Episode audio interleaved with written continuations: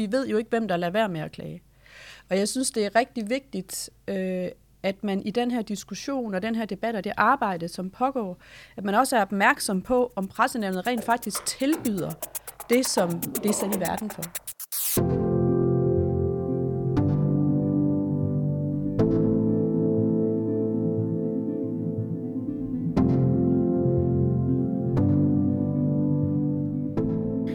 Tiden er inde til at nedlægge pressenævnet. Så lød det i hvert fald i en kommentar fra journalist Nils Frid tilbage i januar, hvor han kritiserer pressenævnet for både at være fodslæbende, ineffektive og for ikke at have mandat til reelt at sanktionere de medier, der overtræder loven.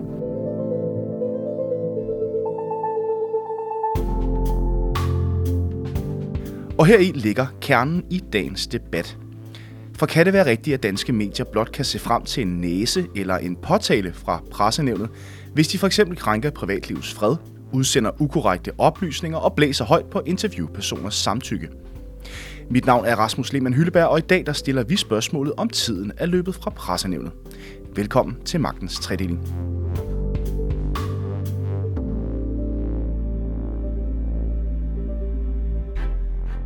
Og med mig i studiet i dag, der har jeg advokat og tidligere forskningschef på Danmarks Medie- og Journalisthøjskole, Vibeke Borberg. Og Mads Brandstrup, du er administrerende direktør i Danske Medier. Velkommen til begge to. Tak for det. Tak. Øhm, jeg har godt tænkt mig at starte øh, hos dig, Mads. Øhm, pressenævnet, er det tidsvarende pressenævnets funktion? Er den tidsvarende samfundets medie virkelighed anno 2023? Det synes jeg faktisk, den er. Øh, jeg synes jo faktisk, at pressenævnet som institution har vist, at den evner at forny sig. Øh, det er 10 år siden, at man sidste gang tog en, en omfattende, øh, kan man sige, øh, vurdering af de presseetiske regler og, og lavede dem om. og, og det har jo vist, at, at pressenævnet faktisk er i stand til at, at følge med tiden. Nu er vi så i en situation, hvor den, den tidligere regering øh, lavede et øh, udvalg for, for medieansvar, hvor man også øh, overvejede, om man skulle bringe de presseetiske regler i spil. Og det har jo faktisk fået den samlede branche til at nedsætte et udvalg øh, parallelt med det, som, som lige nu sidder og, og kigger faktisk helt fra ende til anden på de presseetiske regler. Øh, og hvor er du meget... også repræsenteret eksempel? Jo, jeg sidder jo både i regeringens øh, medieansvarsudvalg, men, men vi har også i, i Danske Medier sammen med Dansk Journalistforbund taget initiativ til øh, og, og, og parallelt med, med det arbejde, om man så må sige, så, så nedsætte branchens eget udvalg, som sidder og kigger på selve de presseetiske regler, og simpelthen går dem igennem paragraf for paragraf, for at se, øh, om de også nu er tidsvarende i forhold til den øh, kritik, der har været rejst. Og, og Vibeke, hvor er vi hen hos dig? Er du øh, enig i, øh, i Masses udlægning af, hvad hedder det, pressenævnets, øh, hvad skal man sige, funktion, pt? Øhm, måske ikke helt, men jeg synes, at de tiltag, som Mads også nævner, synes jeg jo er rigtig gode, og jeg synes, det er rigtig vigtigt, at vi har en diskussion om øh, pressenævnet, og om pressenævnet kan man sige, stadigvæk opfylder det formål, det blev nedsat til, og om det fungerer i det mediebillede øh, og den medievirkelighed, vi har i dag.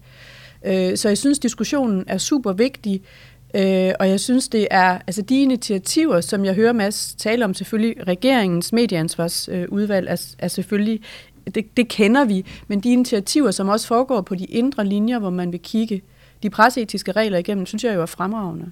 Så lad os prøve at tage livtag med øh, den her kommentar, som Niels Frid, Frid han altså øh, skrev i, øh, i Altinget tilbage i januar. Vibeke, han kommer blandt andet med en klar opfordring til decideret at nedlægge systemet og genoprette det på ny med et klare mandat. Er du enig i den betragtning?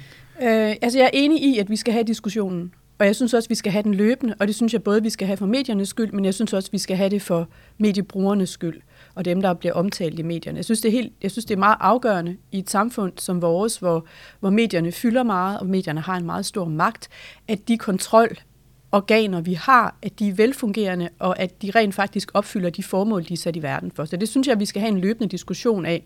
Nu peger Frid jo ikke på, hvad der skal sættes i stedet for. Og jeg synes, der er nogle ting, hvor det er rigtig vigtigt ligesom at lave nogle skillelinjer. Øhm, hvis vi kigger, altså det er jo rigtig vigtigt, sådan som jeg ser det, at pressenævnet øh, beskæftiger sig med etikken.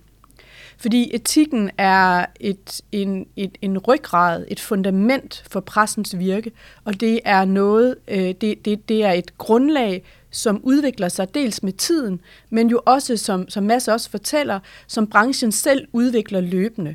og der, der, der synes jeg, det er meget vigtigt, at det system, vi har i dag, det skældner mellem etik og ret. Så jeg synes, den grundlæggende, den grundlæggende opdeling mellem pressenævnet, som beskæftiger sig med etikken, og domstolene, som beskæftiger sig med de retlige aspekter herunder, kan man sige, de retlige sanktioner, den synes jeg, vi skal fastholde. Øh, det man så kan spørge om, det er, om pressenævnet har muskler nok inden for de etiske rammer. Og der har jeg selv været involveret i nogle sager sidste år, øh, hvor, hvor, hvor der blev udtalt kritik, men hvor det ikke har nogen særlige konsekvenser. Altså den kritik, den fører til, at der kommer en markering under det pågældende program, hvor der står, at pressen har, ud, har udtalt kritik, øh, henviser til, men programmet er sådan set stadigvæk tilgængeligt med de kritikpunkter, som pressenævnet har påpeget. Og det virker jo utrolig stødende for personer, som, som er gået til pressenævnet, har fået medhold, men der sker ligesom ikke rigtig noget. Må jeg, må jeg godt lige sende den over til dig, Mads? Fordi altså, øh, koblingen mellem etik og øh, lov og ret her øh, er, hvad skal man sige, er limen mellem pressenævn og, hvad skal man sige, domstole stærk nok?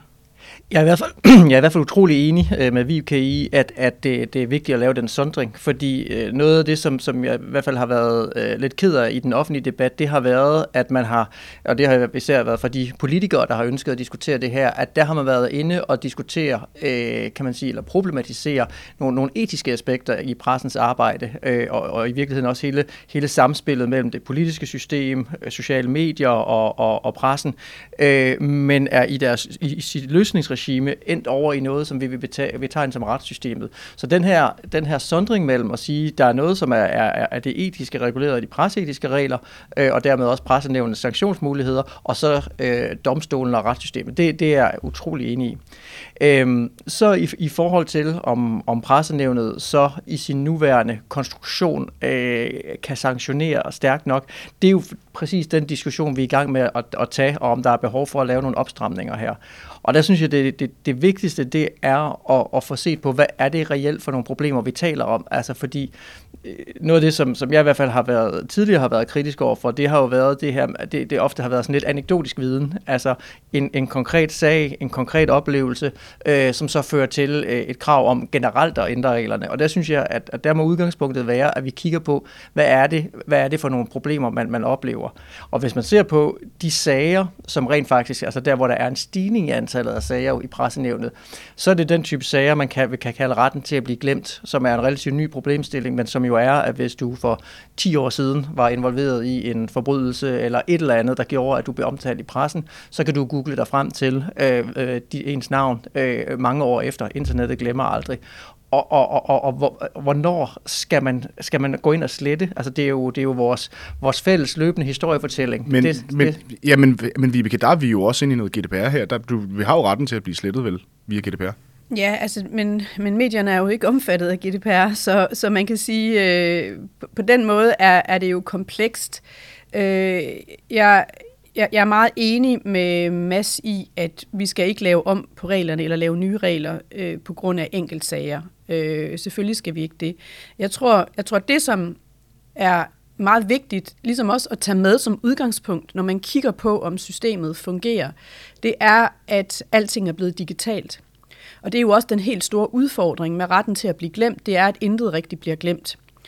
Øh, og, og, og det, at medierne arbejder digitalt, det, at medierne øh, distribueres digitalt, ikke kun, kan man sige, de traditionelle medier, men også de medier, som arbejder på nye måder, podcast, øh, øh, tv-dokumentarer osv. osv. Alt det her, det bliver, det bliver liggende øh, for altid, og som regel er der også lavet nogle ekstra kopier rundt omkring, så selv hvis det bliver taget ned, så kan det faktisk stadigvæk godt findes frem.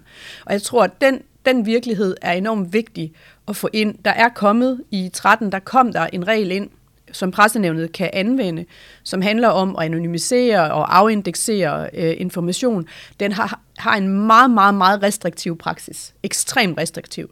De lagde ud fra starten, men nærmest ikke at imødekomme nogen klager, og nu er der lukket lidt mere op, men det er meget restriktivt, og jeg tænker ikke umiddelbart, at det opfylder helt det behov, der er. Det, der sker, når folk klager til pressenævnet, det er jo, at de på en eller anden måde føler sig krænket øh, af den omtale, de har været udsat for, eller den behandling, de har været udsat for i medierne.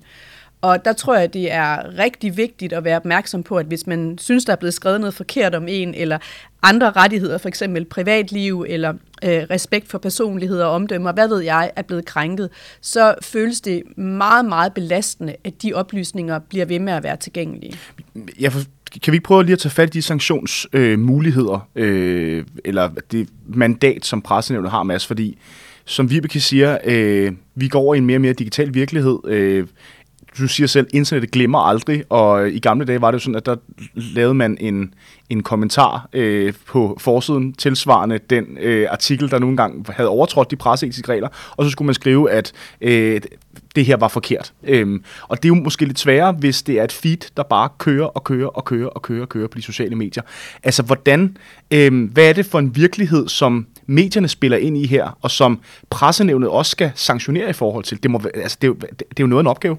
Ja, og nu nævner du endda lige de, de, de sociale medier, som jo falder helt uden for alt det her, og, og det er jo faktisk en af de ting, som, som er på kan man sige, arbejdsprogrammet for regeringens øh, medieansvarsudvalg, det er, hvad, hvad, hvad, hvad hulen gør vi her? Øh, fordi det synes vi også er problematisk. Øh, altså, vi, du, du, du har nogle situationer, hvor, hvor man jo laver en artikel, og så får de sit helt eget liv ude på de sociale medier, med nogle øh, ofte, ofte voldsomme kommentarer, som egentlig ikke har noget med den artikel, der er blevet publiceret at gøre, men, men konteksten kan virke voldsomt krænkende øh, for den person, øh, som, som er involveret i det. Så der, der, det, det synes jeg er ekstremt relevant problemstilling problemstilling at tage op, og, og den, den er ikke nem, øh, fordi her har vi jo at gøre med nogle, nogle virksomheder, som har enten hjemme i Kina eller USA.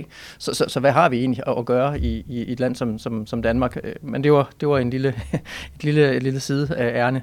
I forhold til, til, til det her med at blive glemt, jamen så er der jo i virkeligheden så er der jo to typer sager. Ikke? Der er den sag, hvor at artiklen sådan set øh, er fair og, og, og, og rimelig i den kontekst, den bliver skrevet i men 10 år senere øh, synes den pågældende person, ah, nu har der vist været skrevet nok om min konkurs, øh, øh, eller øh, hvis det er en, en, en, en, en, en kriminalsag, øh, jeg har sådan set været i, i fængsel, jeg har skiftet navn, øh, men det her bliver ved med at, at, at, at, at hjemmesøge mig hvad har du af rettigheder her? Det, det synes jeg, det er den svære diskussion, og det er den, som, som faktisk, øh, som øh, både Journalistforbundet og vi, og, og, og de medier, der sidder øh, repræsenteret i vores, vores udvalgsarbejde omkring de presseetiske regler, sidder og, og bokser med. Øh. Ja, for der er, vel også, der, der er vel også de eksempler med folk, der for eksempel er varetægtsfængslet, altså øh, store straffesager, voldtægtssager og lignende, hvor at folk bliver hængt ud i diverse medier, øh, øh, i sigtelsesøjeblikket, og så frafalder sigtelsen, og så, øh, så bliver de på en eller anden måde stadigvæk demoniseret.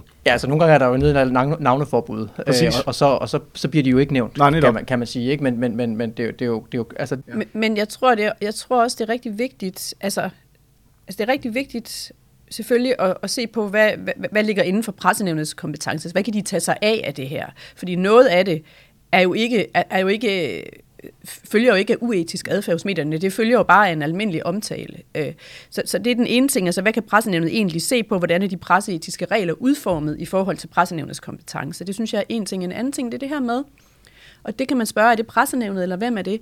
Men det er jo blevet endnu, endnu vigtigere i den digitale virkelighed. Det er jo at få fuldt op. Altså, at, at, at der bliver fuldt op på de historier, som medierne bringer. Både dem, som hvor vi ligesom mangler en afslutning. Altså, hvordan gik det egentlig med ham der, der var varetægtsfængslet, og øh, som vi måske har på nethinden på en eller anden måde. Men også, hvordan gik det egentlig med vores egen journalistik? Og der, for at vende tilbage til, til, til dit spørgsmål egentlig om pressenævnets altså muskler og sanktionsmuligheder. Ikke? Pressenævnet de kan udtale kritik, og så kan de øh, pålægge og offentliggøre kendelsen, og de kan faktisk også pålægge måden, den bliver offentliggjort på. Mm. Altså, hvor, hvor fremtrædende skal det være, hvilken plads skal det have osv., hvordan skal det se ud. Og, og der tænker jeg lidt, at det var et sted, man godt kunne skrue på nogle knapper, for ligesom at imødekomme det her behov for, at det faktisk når ud, fordi vi er alle sammen udsat for, at den digitale medievirkelighed, den er ekstremt hurtig. Altså det, vi læste på Ekstrabladets hjemmeside i morges, det har, det har vi glemt nu næsten. Øh, og, og, men, men, men de mennesker, som på en eller anden måde kan komme i klemme, eller virksomhed, eller hvem det er, for dem bliver det ved med at være der, fordi netop man med en Google-søgning, der kan du finde den artikel frem igen. Så jeg tænker, at det er et sted, man kan være øh, man kan arbejde med, det er det her med, hvordan, hvordan får vi synliggjort, at der faktisk er en etik, og at den etik nogle gange har konsekvenser for mediet, hvis den ikke er i orden.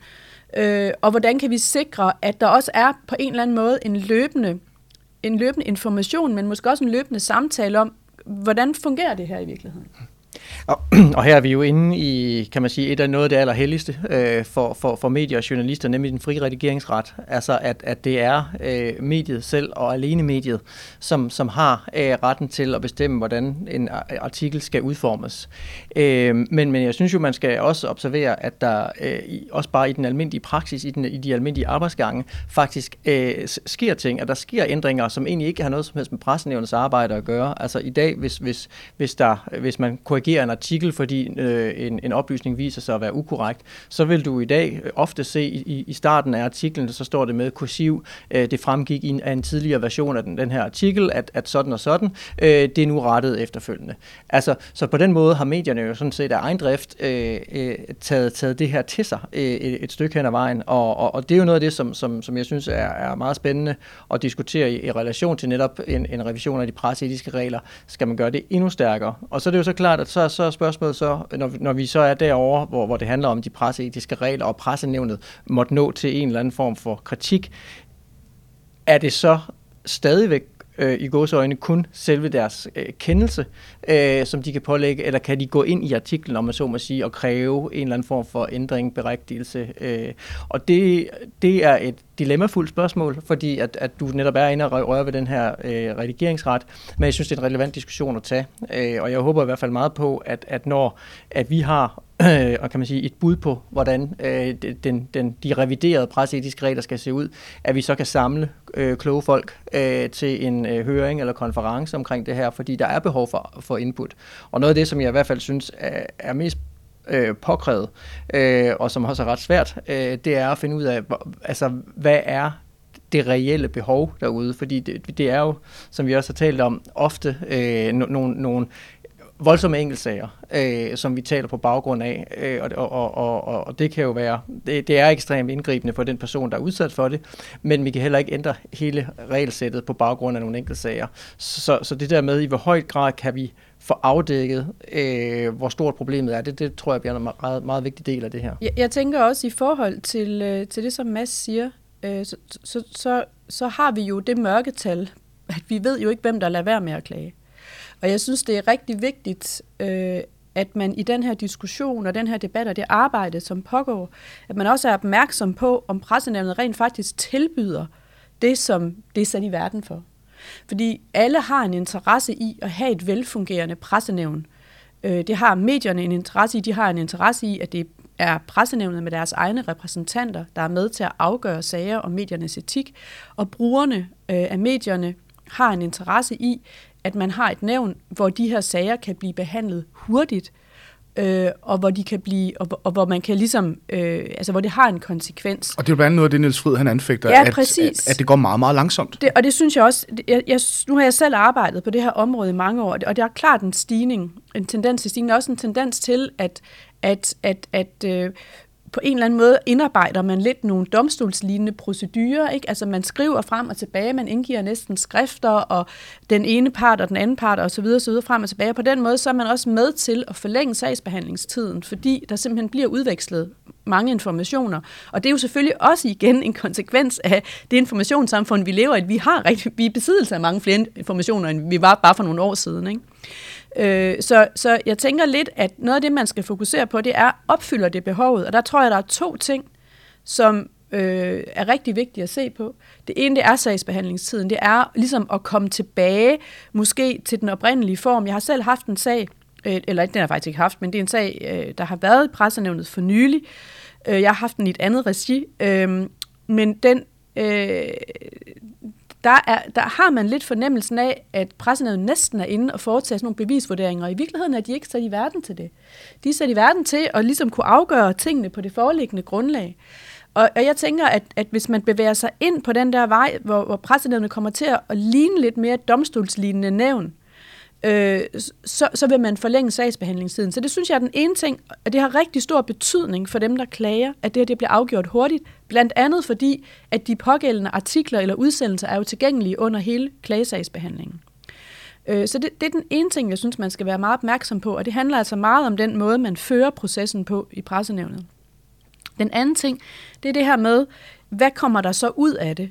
Fordi øh, når, når, når pressenævnet har mulighed for at udtale kritik, og jeg, jeg, som jeg startede med at sige i min indledning, jeg, jeg er enig i, at vi skal ikke over i, at pressenævnet kan, kan sanktionere med, med, med straf og erstatning og den slags, men, men der kunne godt være, altså det, at man oplever, som jeg nævnte også i indledningen, at der bliver udtalt kritik af en uddannelse, men den ligger stadigvæk fuldstændig som den er, med de kritikpunkter faktisk, som pressenævnet var inde og, og udtale sig om. Den oplevelse kan nok godt få nogen til at afholde sig fra at gå igennem den der lidt langvarige klasse, hvad kommer der ud af det? Så jeg tror, det er rigtig vigtigt, at, at vi også prøver at overveje og diskutere, hvad kan man egentlig give pressenævnet af muskler, som betyder, at den, der får medhold i en klage, faktisk føler, at det nytter noget.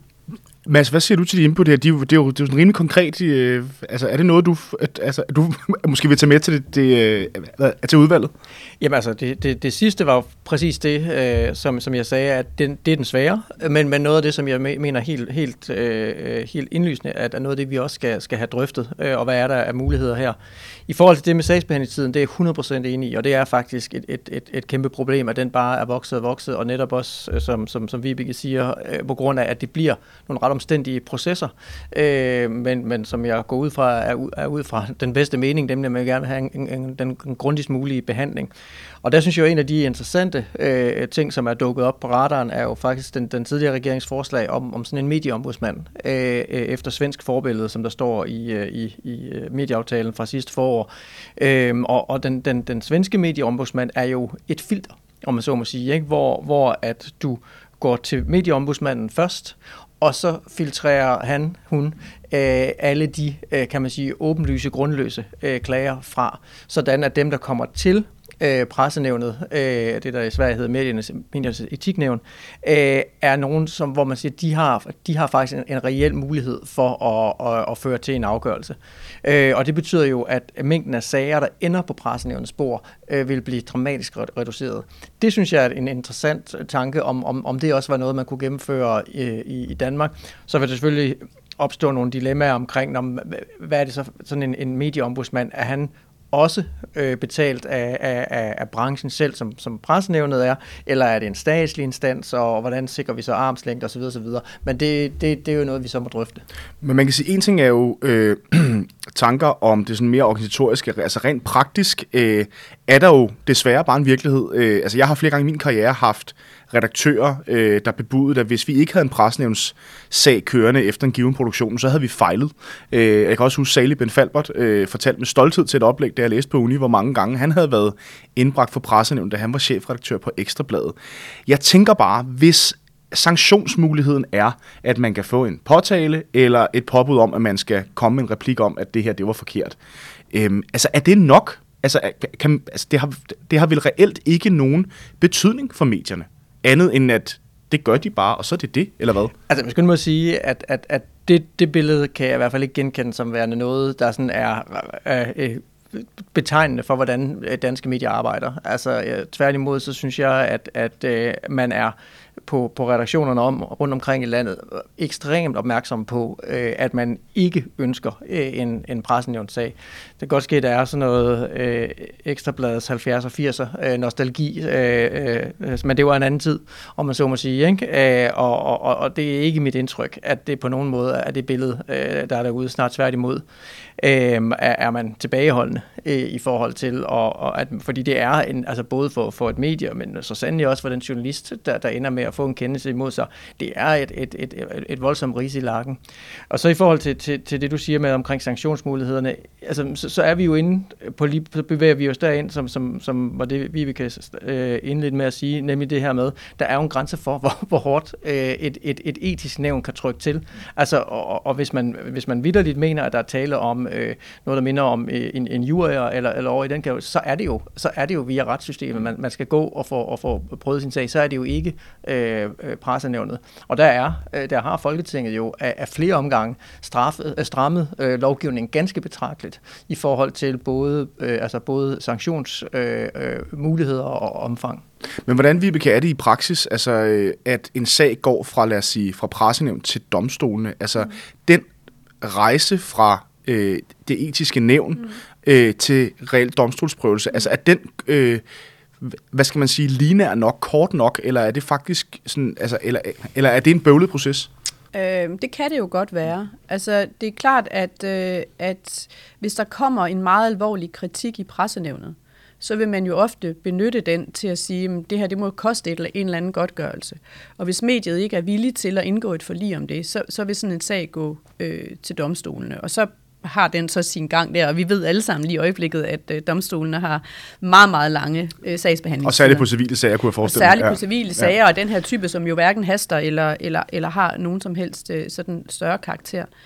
Øh, så, så på den måde kan det jo blive en lang proces. Øh, det andet, det er jo det, man, man jo som advokat skal foretage vurderingen af, øh, selvfølgelig sammen med klienten, det er, altså, er det her en sag, hvor der er lidt et tab, som man sådan set er nødt til at under alle omstændigheder komme til domstolene, så, så vil man jo typisk springe pressenævnssagen over, fordi at den vil bare forlænge det. Så hvis man allerede fra starten kan se, her er simpelthen tale om noget, som vi skal have domstolene til at kigge på, så kan man gøre det.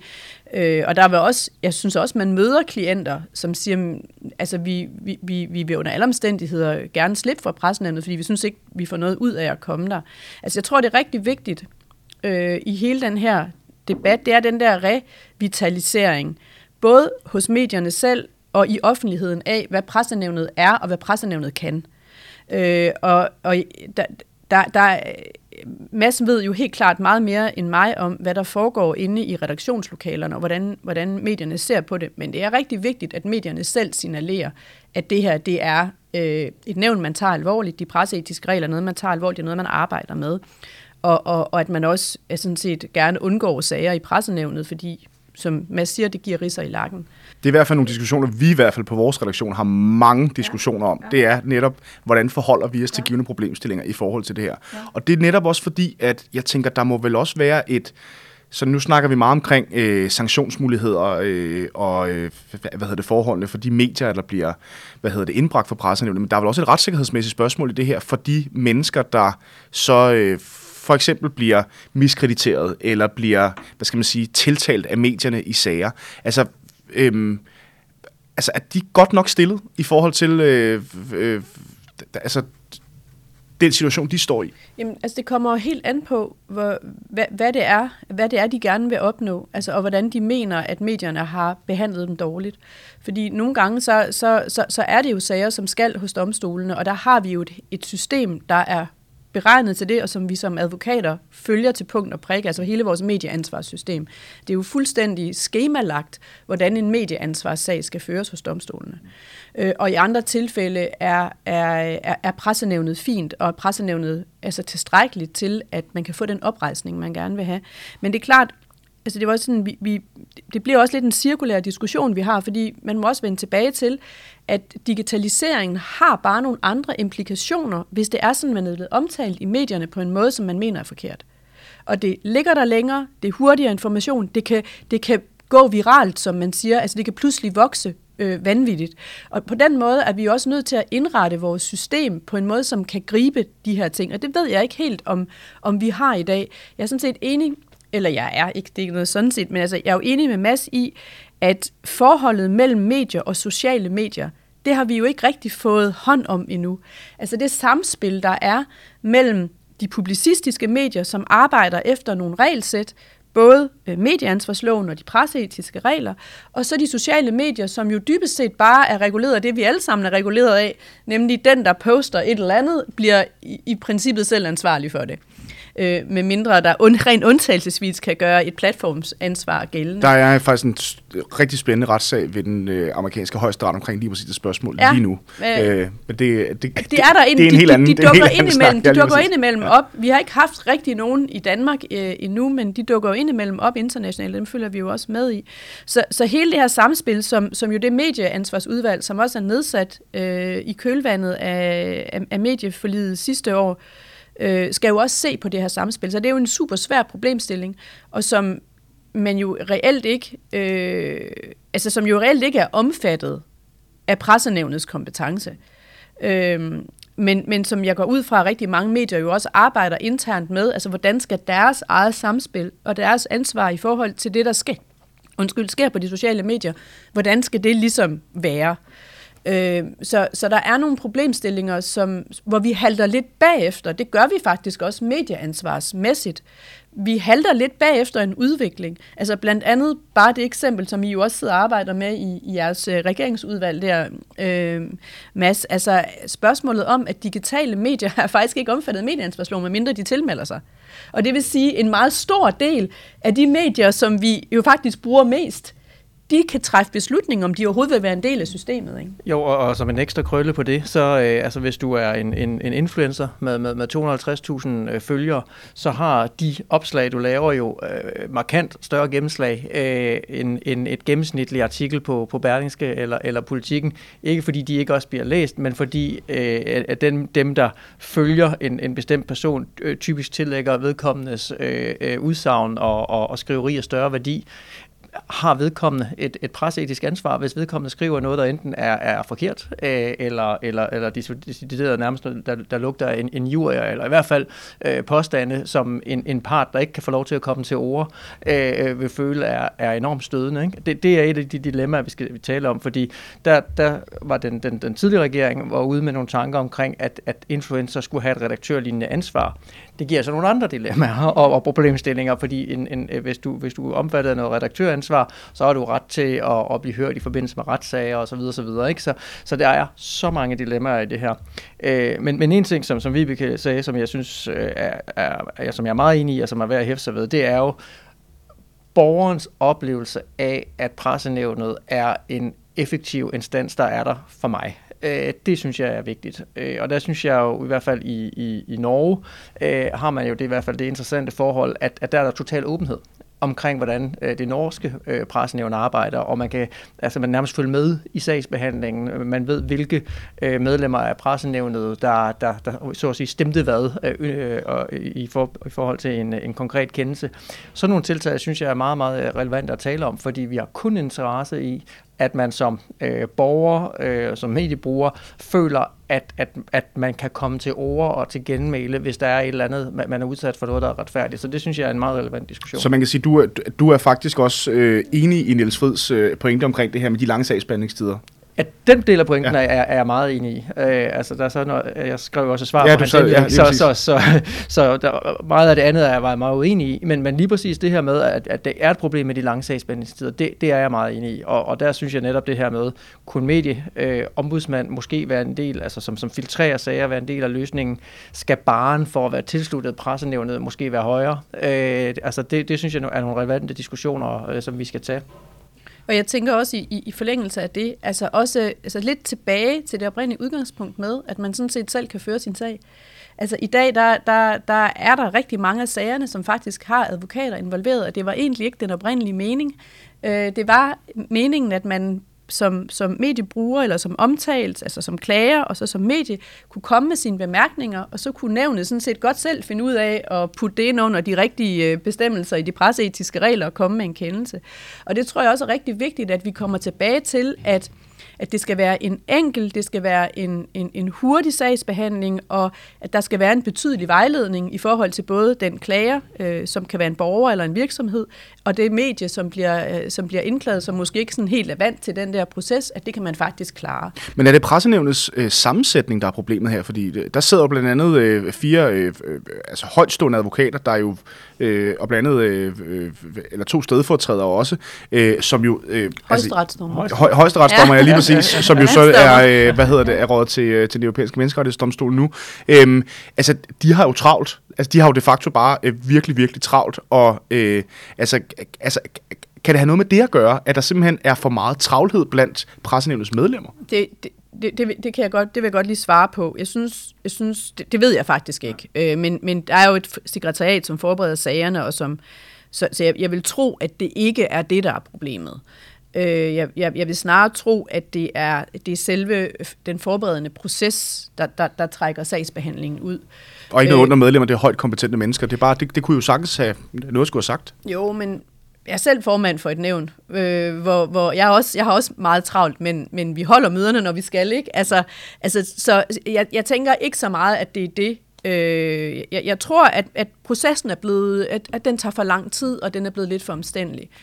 Øh, men jeg tror, der er en anden ting. Altså, det, det, det er faktisk et emne, som jeg, som jeg også synes skal op til debat. Det er jo, hvem, hvem skal sidde i pressenævnet, hvem skal afgøre de her sager.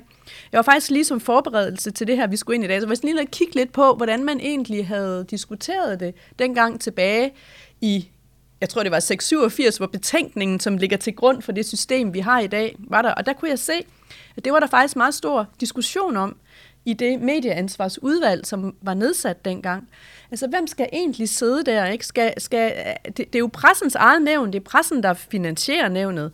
Øh, det, har så, altså det, har, det er jo sådan lidt et sjovt nævn på den måde, fordi det så også er et offentligt nævn, som hører under Justitsministeriet. Justitsministeriet stiller sekretariatsbistand til rådighed osv. Så, så på den måde er det sådan lidt en hybrid mellem noget, som egentlig fungerer på et privatretligt grundlag, og så er et offentligt nævn. Så det, det er ikke noget til til, hvis, hvis, hvis, hvis tingene nogle gange kan være lidt, øh, lidt, lidt anderledes her. Øh, men der diskuterede man det enormt meget, og der landede man så på den her model med, at man, man ville altså have nogle jurister, nogle højtstående jurister. Og det igen jo, det er jo for at give nævnet pondus at sige, når en højesteretsdommer kommer frem til det her, så kan det nok ikke være helt galt, vel? Og formand for danske advokater og formand for advokat, Præcis, altså, så det, det, det, også, ikke? man har ønsket at give det øh, både noget faglig kompetence, øh, øh, og, og faglig pondus, og så har man ønsket, at, at medierne selvfølgelig var repræsenteret, og så offentligheden. Og det kan man jo godt spørge i dag, altså har vi brug for nogen, som måske ved, altså har også en faglig indsigt i, hvordan foregår hele den her øh, kom, øh, digitale kommunikation. Hvad, hvad ligger der bag? Hvordan, øh, hvordan opstår en shitstorm? Hvad ved jeg? Altså ting, som som, som, som har betydning for den måde, medierne arbejder og fungerer på i dag. Jeg, jeg, jeg hæftede mig ved, at den oversigt, som journalisten havde lavet øh, i forbindelse med, øh, med årsrapporten her, at der, der er givet ret, mange, øh, ret meget kritik, for eksempel for misvisende overskrifter. Og vi ved jo alle sammen godt, når vi går ned igennem de, øh, de digitale medier, at vi hæfter os ved nogle overskrifter, nogle overskrifter, der får os til at klikke ind på en artikel. Og det er lige præcis de samme faktorer, som gør, at sådan en, en artikel kan gå viralt, ikke har den et eller andet, som vi lige går ind på. Så det der med at forstå, hvordan de her ting fungerer, herunder jo også, hvordan mediernes egen altså økonomi fungerer, og hvordan medierne er afhængige af, af de her klik. Alt det her, det kunne man jo godt overveje, om, om, om, om nævnet skulle have noget ekspertise til at forstå de her ting bedre. Ikke? Mads, hvad tænker du om det? altså man kan jo sige, det, det er jo klart, at der er nogle teknologiske forudsætninger, som har ændret sig ret øh, betragteligt. Det er, jo, det er jo rigtigt, og man kan i hvert fald sige, at der var, der var en nylig kendelse, hvor, hvor at øh, efter vores opfattelse, øh, hvor, hvor vi også øh, kritiserede pressenævnet, øh, at man simpelthen havde misforstået. Det var, det var sådan en retten til at blive glemt sag, ikke? Hvor, hvor, man, hvor det resultat, man nåede frem til, var en, øh, det, der hedder en afindeksering, hvilket i realiteten svarer til fuldstændig at fjerne en artikel, hvilket er det mest vidtgående, øh, man fra pressenævnets side, side kan gøre gøre, men hvor vores påstand, at det var egentlig ikke det, man, man havde øh, øh, som, som, som hensigt, men, men for, på grund af øh, kan man sige, begrænset teknologisk indsigt, at så, så blev det så konsekvensen af det. Og der er helt klart øh, nogle, nogle teknologiske udfordringer, som, i hvert fald, som vi skal i hvert fald være sikre på, at, at, at kompetencerne er på plads. Og så er det jo rigtigt, i forhold til det her med, med, med overskrifter, så, så er det jo noget, som, som, øh, som er inde i noget af en udvikling, ikke? også fordi øh, et, et, et medie vil jo typisk, øh, sådan, sådan foregår det i dag, man tester x antal overskrifter af, for at se, hvad, hvad har det bedste liv. Øh, den, den, den samme artikel kan, kan måske få øh, øh, tre forskellige overskrifter hen over en dag, øh, simpelthen for at optimere, øh, også i forhold til, hvilket liv den får øh, øh, online. Øh, så det er ikke helt øh, uproblematisk at, at, at kaste sig ind i, i, i det område, øh, fordi hvad er det så for en, en artikel, eller en, hvad er det så for en overskrift, som, som presnævnet skal, skal, skal tage stilling til? Var det den oprindeligt publicerede overskrift? Var det det, den havde lige omkring klokken 13, øh, da man lige skulle teste, om noget virkede? Øh, eller er det det, som den endte med at få? Øh, det, synes jeg, det, det er i hvert fald noget, som, som, øh, som man bliver nødt til at forholde sig til. Ja, men fuldstændig enig. Altså, altså der, der, der, er meget, altså der, der, der er meget af det, der har med etik at gøre, som på en eller anden måde også er blevet ret teknologiafhængigt. Ikke? Altså hvor, hvor, hvor, hvor etikken i de skrevne medier handlede om at gøre nogle ting, og have sin kildekritik, og forelægge osv., og, og, og i virkeligheden også noget meget indholdsmæssigt. Altså hvordan formidler vi det her øh, til vores læsere? Øh, så, så, er, så er etikken jo udvidet ekstremt med de teknologiske muligheder, fordi teknologien simpelthen giver en fuldstændig anden form for formidling og en anden, en anden gennemslagskraft. Og, og, og, og i øjeblikket øh, kan man sige, der har, presse, der har de presseetiske, eller pressenævn, de har én regel at arbejde med, og det er så måske ikke altid, den lige øh, bliver anvendt. Der er faktisk tre forskellige muligheder i den, og det er måske ikke altid, man, man, man lige vælger den, som er mest hensigtsmæssig. Så jeg, jeg tænker, at, at vi, vi er nødt til at, at, at implementere hele den her teknologi og de digitale muligheder, den måde, vi, vi ser etik på. Øh, fordi det er jo fuldstændig rigtigt, som, som Mads også sagde før, altså man ser jo hele tiden artikler, der bliver opdateret, og så er der kommet en ny oplysning, man har fået en eller anden henvendelse osv. osv. Vi så det faktisk i meget høj grad, jeg var selv sådan lidt involveret i det, også under an, øh, valgkampen, ikke? Så så den ene kandidat, og siger noget, og så finder man ud af, at det var så lidt forkert om den anden. Altså, der er de meget hurtige medierne til at, at sørge for at få det opdateret, og sørge for at være at være, øh, at være up to date med, med, med faktum, men, men vi skal jo hele tiden huske på, at den, den, der har set den første artikel, ser måske ikke opdateringen. Altså, så, der, så der er super mange øh, etiske overvejelser, etiske problemstillinger forbundet med de digitale øh, og teknologiske muligheder. Og dem skal vi på en eller anden måde have tænkt ind. Så igen, som Mads, vendte tilbage, vendte, altså, som, som Mads sagde også, vi skal hele tiden vende tilbage til, hvad er det, der har betydning for den, der klager, og den, der føler sig forkert omtalt i medierne. Hvordan, hvordan sikrer man, som du også selv spurgte om, hvordan sikrer vi den der følelse af retssikkerhed? Altså, at det faktisk, det, det betaler sig for mig at gå i rette med det her. Og hvor vi lander hen bliver interessant. Medieansvarsudvalget har jo i kommissoriet, øh, hvad hedder det, skal afgive anbefalinger senest til februar 2024, er det korrekt? Det er korrekt. Yes. Øhm, Mads Brandstrup og Vibeke Borberg, tusind tak, fordi I har lyst til at komme øh, her i studiet og gøre os lidt klogere på, øh, hvad pressenævningen skal, og hvor det skal hen af. Selv tak. Selv tak.